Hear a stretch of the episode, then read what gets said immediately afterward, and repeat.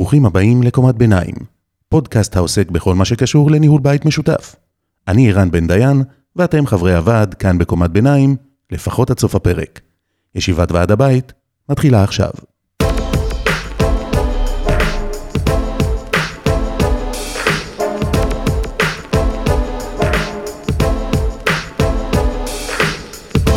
אז אה, ברוכים הבאים לישיבת הוועד שלנו. הפרק אה, הזה עוסק בטעינת רכבים חשמליים. שלום לך, אמיר ברוז. שלום, שלום. מארח אותנו כאן אה, באולפן הנהדר בתוך חדר הישיבות, וגם נותן נכסות לפרק הזה של קומת ביניים. אז ספר לנו, אמיר, מה, מה כל כך מעניין בטעינת רכבים חשמליים? או-הו, זה נושא חם ובוער. אני נתקל בעצמי כמעט בכל אה, שבוע או שבועיים בכתבה אה, בעיתון. בואו אני אקריא לך כמה כותרות, Headlines. אה, ממשלה החליטה חיבור להטענת רכב חשמלי בלי צורך באישור מוועד הבית. האם היום צריך אישור מוועד הבית? אנחנו נדבר על זה תכף. אוקיי. כתבה שנייה, הטסלה של השכן, המדינה תחייב עמדות טעינה לרכב חשמלי בבניינים חדשים. זאת אומרת שהקבלנים הולכים לשלם על זה ואנחנו נשלם להם. הם כבר התחילו לבכות שזה יעלה את מחירי הדירה. לא, אני, אני שואל את עצמי, לאן זה עוד יכול להמשיך כבר לעלות? אוקיי. אבל באמת לרחם עליהם. אה, כתבה שלישית, אה, כמות המסירות של שנת, אה, שמסתיימת השנה, טסלה מודל 3, 6,200 לקוחות מאושרים על הכביש, 1,531 נהגים של MGZS, שזה סיני, מותג, חברה סינית, מותג כן. סיני. יש פה טבלה שלמה, לא, לא נעבור עליה, אבל סך הכל... המגמה. המגמה היא השנה כעשרת אלפים רכבים חשמליים עלו על הכביש. צריך להבין שבמדינת ישראל נמכרים כל שנה אה, קצב של כ-300 אלף כלי רכב חדשים, וזה קצב הולך ועולה. ואם שנה שעברה היה פחות מחצי אחוז רכבים חשמליים, השנה אנחנו מגיעים ל-3-4 אחוזים, שנה הבאה זה יהיה כבר עשרה. ו... כל השוק מג... בעצם הולך לשם. זה מגמה עולמית, אנחנו בפיגור אחרי ארצות הברית ואירופה, mm-hmm. ששם האחוזים כבר היום הרבה יותר אה, גבוהים, אבל מדינת ישראל אה, תמיד אה, סוגרת את הפער מול המערב, ואנחנו... בסופו של דבר אנחנו start-up nation, וכל סטארט-אפ צריך רכב חשמלי, לא משנה איזה. נכון, זה באופנה. אז עכשיו בוא, בוא תסביר לי, אנחנו פה בישיבת הוועד שלנו, אז לכולם יש רכבים חשמליים, יופי. למה זה צריך לעניין את הוועד? או, oh. למה זה צריך לעניין את הוועד? אה, אם מי שקנה את הרכב החשמלי גר בבית פרטי, אז זה לא צריך לעניין את הוועד. אין ועד בבית פרטי. חוץ, חוץ מ... למשל, אני ועד הבית של הבית שלי. נכון, כן. נכון. לא, אשתך, לא אתה. היא ראש הוועד. היא ראש הוועד, היא יושב ראש. אמ, אבל בבית משותף, היה ואחד הדיירים אה, קנה רכב או יקנה רכב, הוא רוצה להתקין עמדת טעינה, אה, להגיע מהעבודה ובעצם להטעין את הרכב החשמלי כדי שהבטריה תיטען למחרת, עד אה, למחרת בבוקר. גם באמת זו הדרך המועדפת בעצם, לא להתחיל לחפש עמדות טעינה ברחוב. תראה, באירופה כבר יש הרבה עמדות טעינה מהירות. גם בישראל הממשלה מעודדת ומוציאה כל מיני מכרזים. לאט לאט אנחנו נתחיל לראות עמדות טעינה כאלה. אה, מבחנויות של הסופרים עד כל מיני תחנות אה, טעינה כאלה ואחרות. אבל בבית כנראה יהיה יותר זול. אבל בבית זה הכי נוח, זה הכי נוח להגיע הביתה, להתקין, וגם העמדת טעינה שהיא לא מהירה, היא לא שוחקת את הבטריה כמו עמדת אה, טעינה מהירה, mm. ולכן ההמלצה היא באמת להטעין בעמדה או במקום העבודה, או באמת בחניה בבית. ואז אותו דייר בא לוועד הבית ומבקש אישור להתקין עמדת טעינה. Mm. הוא צריך לדאוג לעצמו בסופו של דבר. אה, כן, אבל מבחינת הוועד זה סיפור מאוד מאוד גדול. או, אז עכשיו שאלתי למה זה צריך לעניין את הוועד, והבנתי שבעצם הוועד צריך לאשר. נכון. למה? למה? אז קודם כל המדינה כדי לעודד את זה, אם אה, קראנו את הכתבה הראשונה, אה, היא צריכה לעדכן את חוק המקרקעין, היא הודיעה שהיא הולכת לעדכן אותו, שאם הדייר מתקין עמדה ומתחבר ישירות ללוח החשמל הפרטי של הדירה שלו, mm-hmm. אין צורך באישור אה, חריג של ועד הבית. כן, אבל רוב אה, הבניינים היום, קומה 28 ומינוס 2 בחניון, אי אפשר אה, נכון. להגיע עם חוט עד הבית. נכון, ולכן התקנה הזאת לא פרקטית. היא חשובה כי היא מראה את הכיוון שהממשלה בעצם אומרת לוועד הבית, תשמע, אנחנו מעודדים רכב חשמלי, ואתה לא יכול להתעלם מבקשות של דיירים. אז החיבור הוא בעצם לאן? ועד הבית צריך לדאוג בעצם עכשיו אה, לאפשר חיבור ללוח חשמל של הרכוש המשותף, mm. ולהתקין מונה ייעודי לכל עמדת טעינה של כל דייר ודייר, כדי שכל דייר ישלם את הצריכה הפרטית שלו. כן. ומעבר לכל הלוגיסטיקה הזאת, הוא צריך לדאוג לבטיחות, ולוודא שיש ביטוח מתאים, כי אם חס וחלילה תהיה קטסטרופה, יבואו אליו שאר הדיירים בטענה, איך אתה, בתור ועד בית, אישרת להכניס את הדבר הזה אלינו לפה לחניון התת-קרקעי, שגרם לנו עכשיו נזק ב-X מיליוני שקלים. אז רגע, אם אני מסכם את הנקודה הזאת של ועד הבית, יש לו שני שיקולים עיקריים, או אולי שלושה. אחד זה בטיחות. נכון. שתיים, זה העניין הטכני, איך, איך באמת להתחבר לשעון החשמל של ועד הבית, ובאמת איך לחלק את העומס או את הצריכה בין הדיירים, בין המשתמשים. והדבר השלישי זה אה, ביטוח, שזהו היבט שוועד הבית אכן צריך לדאוג לו, כי בעצם זה ברכוש המשותף, החניון נכון. משותף לכמה דיירים. בוא עכשיו נפרק קצת את כל הסעיפים שמנית, ונסביר קצת עניינים טכניים ואחר כך עניינים פרקטיים. אוקיי. אמ, בכל בניין ובניין יש קיבולת חשמל מסוימת ללוח חשמל של הרכוש המשותף. Mm-hmm. שבטח אפשר... לא תוכנן לרכבים חשמליים. בדיוק, זאת אומרת, הדייר הראשון שיגיע ויתקין עמדה ויתחבר ללוח, הכל בסדר. גם הדייר השני, גם השלישי. אם אנחנו נביא מהנדס חדש חשמל שיבדוק את הקיבולת, אז הוא יוכל כבר להגיד לך מראש, תקשיב, אה, ערן, ברכב השביעי, החשמל ייפול ויקפוץ ולא יהיה יותר חשמל במדינה, כי נמצה את הקיבולת בבניין. של... בבניין, נמצה את הקיבולת של אותו לוח. Mm-hmm. אז קודם כל, הוועד צריך להבין אה, שזה שהוא נותן ראשוניות ל-early adapters, לאלה שקנו ראשונים, אה, בנקודה מסוימת יצטרכו לבצע הרחבה של הלוח חשמל לרווחת שאר הדיירים, כי זה לא הוגן לתת רק לשישה הראשונים אפשרות לקנות רכב, ולשביעי להגיד לו, תקשיב, לא תומכים בזה. אנחנו בבית כן. משותף, ו... נגמר החשמל. אה, כשנגמר החשמל צריך למצוא אה, פתרונות. Mm-hmm. ויש לקח לא מעט חברות שקיימות, דוקטור גוגל אפשר לחפש שם ולמצוא לא מעט חברות מתחרות שמספקות היום פלטפורמה בעצם לבוא לבית המשותף ולבצע הרחבה של לוח ייעודי לתחום הזה.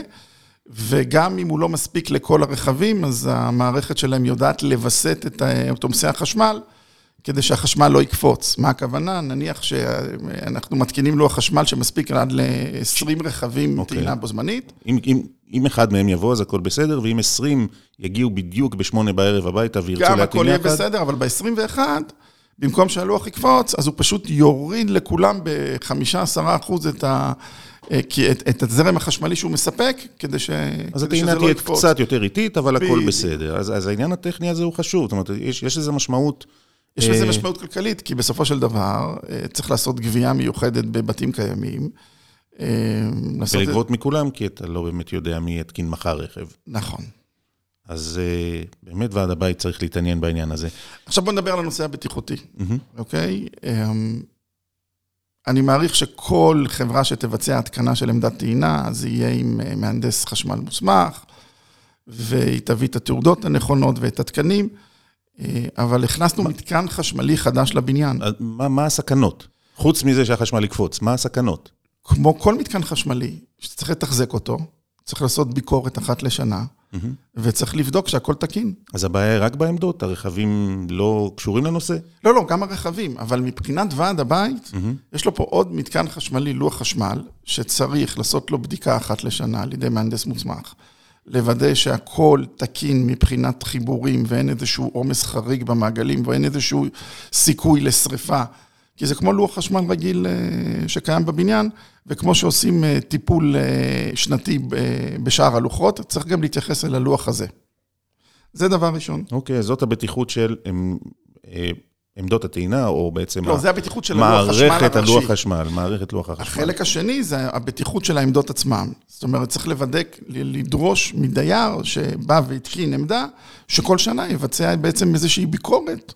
שהעמדה שלו תקינה ולא מסוכנת. כי זה שב-2022 הוא התקין עמדה, יכול להיות שבעוד חמש שנים היא לא תקינה כבר, יש איתה איזושהי בעיה. ואם לא יבוצע, לא תבוצע אה, ביקורת שנתית אה, של מהנדס מוסמך על אותה עמדה, אז אה, אנחנו לא רוצים להיות במצב שאנחנו משחקים עם המזל, יהיה שריפה או לא יהיה שריפה, יהיה, כן, אירוע, יהיה אירוע כזה או אחר או לא. והרכב עצמו. והרכב עצמו. בואו נדבר קצת על הביטוח ועל הרכב עצמו. העמדה עצמה היא רכוש פרטי של אותו דייר שקנה רכב. הוא זה שמזמין חברה, משלם כמה אלפי שקלים עבור ההתקנה ומתחבר ללוח החשמלי. והיה ופורצת אה, בעצם אה, שריפה כתוצאה מהטענה של אותו אה, מתקן. וכבר קרו מקרים, זה לא איזושהי המצאה ש... שלא לא, לא תקרה אף פעם, או לא, לא יודעים ומנחשים ש, שתקרה. המקרים שקרו, אז אנחנו יכולים להביא אותם מכתבות מחו"ל, כי עוד פעם, בחו"ל הרבה יותר נפוץ כל הנושא של טסלה ורכבים חשמליים. Mm-hmm. אז אפשר לקרוא כתבות שרכב חשמלי פתאום נדלק ובער שלוש, ארבע וחמש שעות. וכבאים לא הצליחו לכבות אותו, אנחנו נדבר, אם יהיה לנו זמן, אחר כך למה לא מצליחים לכבות את, ה, את הבטריה. אבל, אבל נחזור, הנזק נגרם. הנזק נגרם. בואו נחזור אבל אחורה, mm-hmm. למי אחראי על הנזק. או, נגיד. שנגרם נזק, לעמדה או לרכב. יפה. עכשיו, מי שגרם את הנזק, אם זאת העמדת טעינה, זה רכוש פרטי. אז אנחנו מדברים על מצב שרכוש פרטי בבניין גרם נזק, כשהוא גורם את הנזק בעצם לשלושה גורמים. א', לעצמו, הרכב שלו יכול אה, להידלק, וחוץ מזה העמדה עצמה, שזה הרכוש הפרטי שלו. Mm-hmm. ב', לחניון התת-קרקעי, שזה הרכוש של ועד הבית. הרכוש המשותף של... הרכוש של... המשותף. וג', זה רכוש פרטי של דיירים אחרים. הרכב שליד, המחסן שליד. בדיוק. אז כאן אנחנו... אנחנו ממש מתחברים לאלמנט השלישי, זה אלמנט הביטוח, אחרי הבטיחות הביטוח. והתפעול. נכון. עכשיו בואו נדבר איזה ביטוח מכסה איזה נזקים. אוקיי. Okay? Okay. אז ככה, הביטוח של הבניין, בהנחה שוועד הבית רכש ביטוח מקיף ולא רק אה, צד ג' לבניין, הוא קנה ביטוח עם פרק מבנה שכולל את אירועי השרפה, mm-hmm. יכסה את הנזקים לרכוש המשותף. אוקיי. Okay. זה לא, לא משנה אם הרכב נשרף או עמדת הטעינה, כשיש לבניין ביטוח לוועד הבית, לבית המשותף, יש ביטוח מבנה, החניון עצמו. החניון עצמו מכוסה, מה שכן, ועד הבית צריך לתת אה, הודעה למבטח שלו, דרך סוכן הביטוח, שבחניון כיום קיים אה, רכבים חשמליים עם עמדות טעינה. המבטח בדרך כלל אה, יבקש אה, כל מיני מסמכים של, שמוכיחים שההתקנה בוצעה על ידי מהנדס מוסמך וכל מיני בדיקות בטיחות כאלה ואחרות, mm-hmm. אבל בהנחה שעשו את כל הצעדים הללו, אז כן, הפוליסה מכסה את הנזקים לרכוש המשותף. בעצם מה זה הרכוש המשותף? זה קירות בטון, לא? לא, היום חניון תת-קרקעי זה, זה עיר בפני עצמה. היום כל חניון תת-קרקעי אתה יכול להסתכל למעלה ולראות אה, צנרת גיברית, שש צול שחורה כזאת. שזה שבה, בעברית? שזה בעצם צנרת הולכת אה, ביוב מים הזה. של הביוב. אוקיי. יש גם עוד תעלת תקשורת מברזל כזאת, זה סלסלה כזאת, שרצים בה המון המון כבלים, זה בדרך כלל כבלים שמחברים את הגנרטור. הראשי של הפרויקט, לכל המעליות של הבניין ועוד לכל מיני מקומות אחרים. אז, אז בעצם יש שם המון חוטי המון. חשמל ותקשורת וצינורות אה, ביוב כאלה ואחרים. נכון. עכשיו גם הם לא, הם לא צריכים גם להיפגע מהשריפה ישירות. ברגע שפורצת שריפה, הכמות המעל... חום. החום שנפלט מהשריפה, הוא ממיס הכל, הוא ממיס רכבים, הוא ממיס פלסטיק, הוא ממיס... אה, גם אם השריפה הייתה 20 מטר ליד, החום באמת... החום יעשה כל כך הרבה נזקים, שנזקי שריפה מתחילים בכמה מאות אלפי שקלים ונגמרים בכמה מיליונים. וואו. בדיוק. אז בוא נדבר, אז הרכוש המשותף אמרנו מבוטח. אוקיי. בהנחה שהוועד נתן את ההודעה למבטח ופעל כמו שצריך ואין לו שום החרגה בפוליסה, אה, זה מבוטח. הבעיה הכי גדולה זה הרכוש הפרטי. לא של האדם שבעל הרכב או בעל העמדה, אלא של השכנים. אליו אני לא מתייחס. הוא לקח כן. את הסיכון, אם הוא קנה ביטוח מתאים, אז יהיה לו ביטוח רכב מסודר. אם לא, לא. אני מדבר על הדיירים האחרים. שלא, כי בסופו של דבר... הם לא אשמים. הם לא אשמים, ואם אה, אין להם את מי לתבוע, הם יבואו בטענות לוועד, איך בכלל הסכמת להכניס כזאת סכנה. ולכן פה בעצם נדרש ביטוח צד ג' לעמדת הטעינה, אוקיי? Mm-hmm. שמבטח יהודי, ביטוח יהודי לעמדות הטעינה. שזה אנחנו... בעל העמדה צריך לעשות. נכון. הדייר, בעל הרכב, בעל עמדת הטעינה. נכון, ולכן ההמלצה שלנו, ללקוחות שלנו, וגם בכלל לוועדי בתים שהם לא לקוחות, בכלל, כל ועד בית, זה בעצם לעשות אספה, והנה עכשיו אנחנו לקראת סוף שנה, לעשות אספת ועד, שבה בעצם יוחלט על איזשהו פרוטוקול, מה נדרש מכל דייר שמבקש להתקין עמדה. אבל אה, אספת ועד אפשר לעשות בכל יום שבוחרים, נכון, זה לא נכון. חייב להיות בסוף שנה. אבל יצא לנו גם סוף שנה, זה טוב. כן, אנחנו מקליטים בסוף שנה, זה נכון, בסדר. אבל... נכון, אז יצא טוב, ושם ההמלצה שלנו זה בעצם לקבל את ההחלטה, מה סכומי הביטוח שידרשו מכל דייר ודייר. אה, אני יכול להגיד לך שאנחנו פנינו לכמה מבטחים. אה, יש ביטוח כזה? אז זהו, אנחנו פנינו לכמה מבטחים כי הבנו את הסיטואציה שצריך לתת שירות אה, ללקוחות ולאפשר פוליסה כזאת. מבטחים, הכוונה לחברות ביטוח. ביטוח, לא סוכנויות ביטוח. נכון, חברות ביטוח שייתנו כיסוי ביטוחי הולם. לשמחתנו, הפניקס, חברה לביטוח, הרימה את הכפפה. אני מקווה שגם אחרות ירימו, אתה יודע, אמנם תחרות, אבל כרגע... כרגע אנחנו משווקים אה, בנושא הזה את הפניקס, אני מאוד מקווה שחברות אחרות ייכנסו ובאמת המחיר ירד אה, בהתאם. אה, יש לנו אפשרות לבטח על מיליון שקל, שני מיליון, שלושה או ארבעה. שואלים אותי לי לקוחות אז על כמה לדרוש מהדייר. גם אני יכול לשאול את השאלה הזאת, נו, אז למה לא מיליון? מה? תראה, מיליון עולה, סתם דוגמה, מיליון עולה, תן לי להסתכל, 870 שקל לשנה, ו-4 מיליון עולה 2,750. אז א', יש פה עומס כלכלי על הדייר, נכון. שצריך לרכוש. ואני אומר שכל מקרה לגופו. Mm-hmm. אם העמדת טעינה נמצאת אה, בחנייה עילית, ולידה חונה רק רכב או שניים, אז 4 מיליון, אולי זה too much אה, ביטוח. את ההחלטה הזאת בעצם עושים, אה, אה, עושה... הדייר או, או ועד הבית? ועד הבית. ועד הבית צריך להתכנס, להסביר את הסיכונים, אמ, והדיירים צריכים להחליט איזה סכומים הם הולכים לדרוש או לא לדרוש. דרך אגב, זה בסדר גמור שאספת הוועד תגיד, אנחנו לא דורשים אף ביטוח. אוקיי. אנחנו לוקחים את הסיכון על עצמנו, הכל בסדר, תעזבו אתכם משטויות. אבל ברגע שיש פרוטוקול וזה יתקבל על ידי האספה, אז mm-hmm. בעצם זה מוריד את הסיכון של מישהו יתבע את ועד הבית, איך הוא עשה דבר כזה על דעת עצמו, mm-hmm. אה, קיבל החלטה שגרמה בסופו של דבר לנזק, אה, בלי שהוא עשה אספה מסודרת. אז אני, אני אסכם רגע את הנקודה הזאת. הדייר לא חייב לרכוש ביטוח, הוא יכול. נכון. אם ועד הבית דורש את זה באספה שבה החליטו בפרוטוקול אה, שחייבים את זה, אז יש איזשהו דיון על הסכום, וגם את זה ועד הבית אמור לקבוע בעזרת איזשהו איש מקצוע או, או יועץ שיגיד באמת מה הסכום הנכון או מה הרצוי. ובסופו של דבר אתה אומר, כל זה לא רלוונטי עם ועד הבית. אה, והדיירים בבניין החליטו שזה לא רלוונטי ולא רוצים באמת אה, נכון. להוציא כסף, וזו החלטה לגיטימית. לא מדובר בביטוח חובה, ודרך אגב, אפשר לקנות את הביטוח אה, בכל מיני תצורות. לדוגמה, בביטוח הרכב, mm-hmm. גם ביטוח ישיר וגם הפניקס יצאו בביטוח ייעודי ל... אה, לרכבים חשמליים, וראיתי, אני חושב שגם הראל וכלל ביטוח יצאו ב, אה, לפני חודש במוצרים דומים, mm-hmm. שבהם הם נותנים אה, כל מיני כיסויים מיוחדים לרכבים חשמליים, ובין היתר הם נותנים גם את הכיסוי צד ג' שדיברנו, mm-hmm. אבל הגובה הכיסוי שהם נותנים זה 250 אלף שקל. שזה פחות או יותר מכסה את הדייר עצמו. לא, לא, לא, לא, לא, עוד פעם, 250 אלף שקל צד ג', זה חוץ אוקיי. מהביטוח מקיף לרכב אוקיי, שלו. אוקיי, אז זה, זה לנזקים שנלווים. שזה בדיוק הביטוח שאנחנו מדברים עליו. Mm-hmm. לטעמי זה סכום מאוד מאוד נמוך, שאם אני ועד הבית, אז אני לא מקבל את זה כסכום שהוא מספק לאירוע של שריפה, ולכן דורש מהדייר אה, למצוא פתרון דרך הסוכן שלו. אם בהגדלה דרך פוליסת הרכב, ואם החברה לא מסכימה, אז לקנות פוליסה ייעודית. הבניין לא יכול לבטח את העמדות האלה. לא, כי זה הרכוש לא שייך לבניין. נכון. כמו שהבניין לא יכול לבטח את הרכב הפרטי שלך. אוקיי. כי אז, הוא רכב פרטי שלך. בסופו של דבר האחריות או הביצוע חייב להיות של הדייר, בעל הרכב. אכן כן. אמ, הבנתי. אז בואו נשאל עוד איזושהי שאלה אה, בעניין הזה. היום כבר יש עמדות טעינה. פה אנחנו מדברים עכשיו, כבר יש כמה, אמרנו, עשרת אלפים או קצת יותר רכבים חשמליים. מה עושים איתם? הרי, הרי זה, זה, הם התקינו בשנה שעברה את, ה, את העמדה, העמדה כבר קיימת בחניון. נכון. מה, עכשיו נזכרתם בוועד? כן, כאילו... כן, עדיף לתקן אה, ולהתייחס לבעיה ולא לטמון את הראש בחול. ואם לא נתנו את הדעת לפני שנה, כי לא היה מספיק ידע, אה, וגם לא היו פוליסות מתאימות.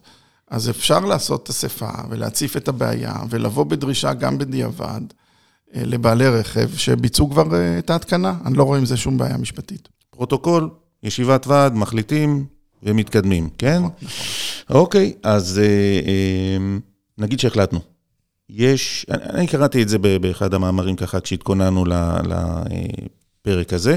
יש חברה שנותנת את הרחבת קיבולת בחינם ומערכת ניהול עומסים בחינם וכל הדברים האלה. בחינם. נכון. זה באמת בחינם? לא יודע. יש, הם, הם רשמו שם משהו על זה ש, שאם אני מקבל מהם את זה בחינם, אז אני, אה, ועד הבית הכוונה, מקבל כן, את זה כן, בחינם. כן. אני מדבר, אתה מדבר על הכתבה שהתפרסמה בוואלה, אה, שבחינם משדרגים את הלוח חשמל. בתנא, ו... לא, לא בתנאי, אלא או, או, או כדי שהדיירים יזמינו מהם עמדות טעינה. נכון, נכון. שתומכות במערכת הזאת. זאת אומרת, זו מערכת שתומכת בעמדות שהן חלק ממערכת מסוימת. נכון. תראו, אני, אני, אנסה, אני אנסה לתמצת קצת את הכתבה הזאת. אה, להבנתי, אותה חברה בעצם תבוא לכל בניין, אה, תתקין לוח חשמל יותר גדול שמתאים אה, לחיבור לעמדות טעינה, ובעצם ללא עלות לוועד הבית, כשבעצם הדיירים מתחייבים שכשהם רוצים להתקין עמדת טעינה, הם מתחייבים לקנות את זה מאותה חברה, את העמדה, ולצרוך את החשמל גם כן דרכה. זה טוב? אני אישית, אה, מסוג האנשים של, אה, שלא אוהבים מתנות חינם, שונא מתנות okay, תחיה. אוקיי. אה, כשמישהו נותן לי מתנה בחינם, אני תמיד מחפש את הקאץ'. אז הם אמרו, בואו תקנו מאיתנו עמדות טעינה. נכון, אז בסופו של דבר, אני הייתי מקים עסק כזה,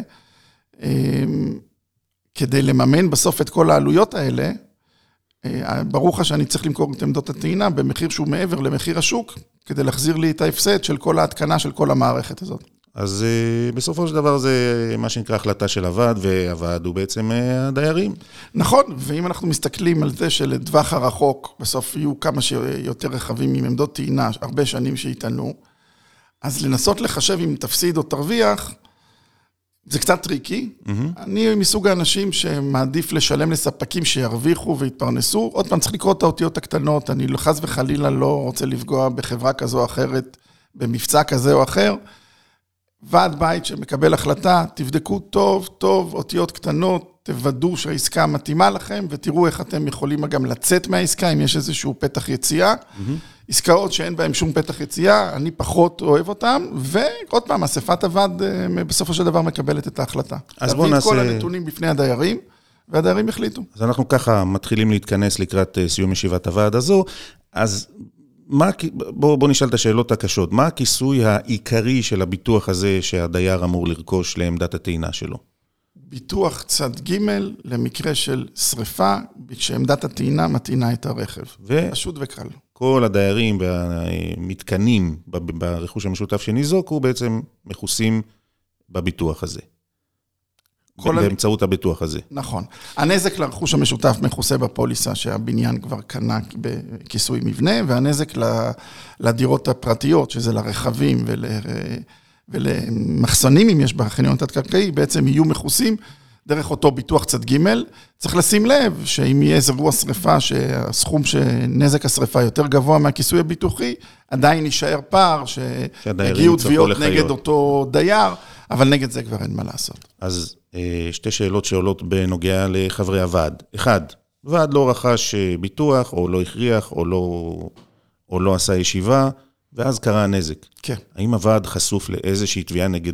אני, חבר הוועד, חשוף לאיזושהי תביעה נגדי? דעתי המקצועית שכן, גם התייעצתי עם אה, שני עורכי דין בנושא. הסיבה היא שעורכי הדין של אותם דיירים שהחליטו לתבוע, יגידו שבעצם קיבלת החלטה מאוד מאוד מהותית, אה, בלי לשתף את הדיירים בסכנות ובלי שהם הבינו אה, מה קורה, בעצם נכנסה סכנה חדשה שבעצם גרמה את הנזק. אה, אני מניח שבית משפט לא יפסוק הכל כנגדו. אבל אני עדיין חסוף, אז זה לא כזה חכם לא, לא נכון, לעשות ישיבה נכון, ולקבל החלטות. וגם הביטוח של... תביעות אישיות כנגד חברי ועד, שאותו... אז זה בעצם איזושהי הגנה עליי, אם באמת דאגתי, אתה יודע, התרשלתי, אבל לא באמת, כי אני לא ידעתי. אז פה אני קצת הולך לאכזב את המאזינים שלנו. הכיסוי של תביעות אישיות חברי ועד, יש בו מספר החרגות שבהן חברות הביטוח לא מכסות אה, תביעות כנגד חברי ועד. אחד ההחרגות זה אי השגת אה, ביטוח. מדוע חברות הביטוח הכניסו את הכוכבית הזאת? כמו שאומרים, הם לא פראיירים. כן, כי, כי אז גם לוועדי בתים לא היו קונים בכלל אף גם ביטוח מבנה. הם היו קונים רק קצת ג' עם הרחבה לתביעות אישיות חברי ועד, ואומרים, אם יהיה נזק מאוד מאוד גדול, תתבעו אותי איך הייתי רשלן שלא קניתי ביטוח אה, מבנה. אז אה, עוד פעם, כמו שאתה אומר, אנחנו חיים במדינת ישראל, אה, כשיש פרצות כאלה ואחרים, החברות אה, סוגרות אותן. אה, ולכן, אם לא דאגת או לא הצפת שצריך לקנות ביטוח... זאת אומרת, אם, אם באתי לישיבת ועד ואמרתי, חבר'ה, תרכשו ביטוח, וכל הדיירים הצביעו נגד. אתה מכוסה. יש פרוטוקול שאתה הצפת את הסכנה, עשית ישיבה על ניהול הסיכונים, אה, בהחלטת רוב התקבל שאין צורך, ולכן אה, לא רואה איך אה, מישהו יכול לתבוע את אה, ועד הבית על מצב כזה. ועכשיו נושא שאולי לא קשור ישירות לפרק שלנו, אבל מה זה פרוטוקול? איך אנחנו עושים את זה? אוי, משהו מאוד פשוט, סיכום ישיבה. אוקיי, אנחנו מזמנים איזושהי ישיבת ועד. מוציא מסמך, מסכם, בתאריך זה וזה, התקיימה ישיבת ועד. השאלה הייתה, האם לאגודה, לעשות כך לאגודה וכך? לתרבות הדיור אפשר להיכנס לאתר, אני מניח שלא מעט בניינים גם חברים באגודה.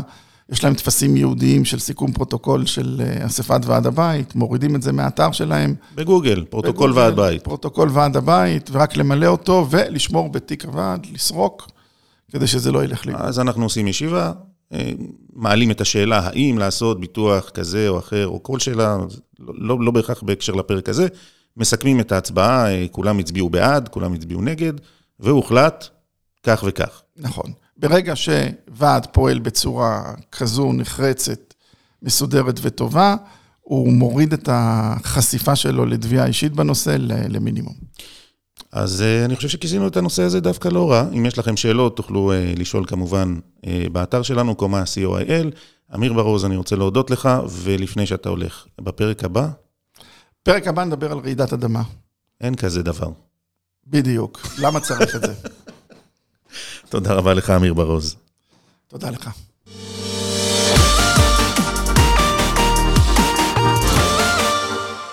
אם אהבתם, הזמינו חברים להצטרף לוועד שלנו. ספרו להם על קומת ביניים, שתפו את הפרק הזה, וספרו להם על הפרקים הנוספים בסדרה. רוצים לשאול שאלות, להציע נושאים, או סתם להתלונן על נורה שרופה בלובי?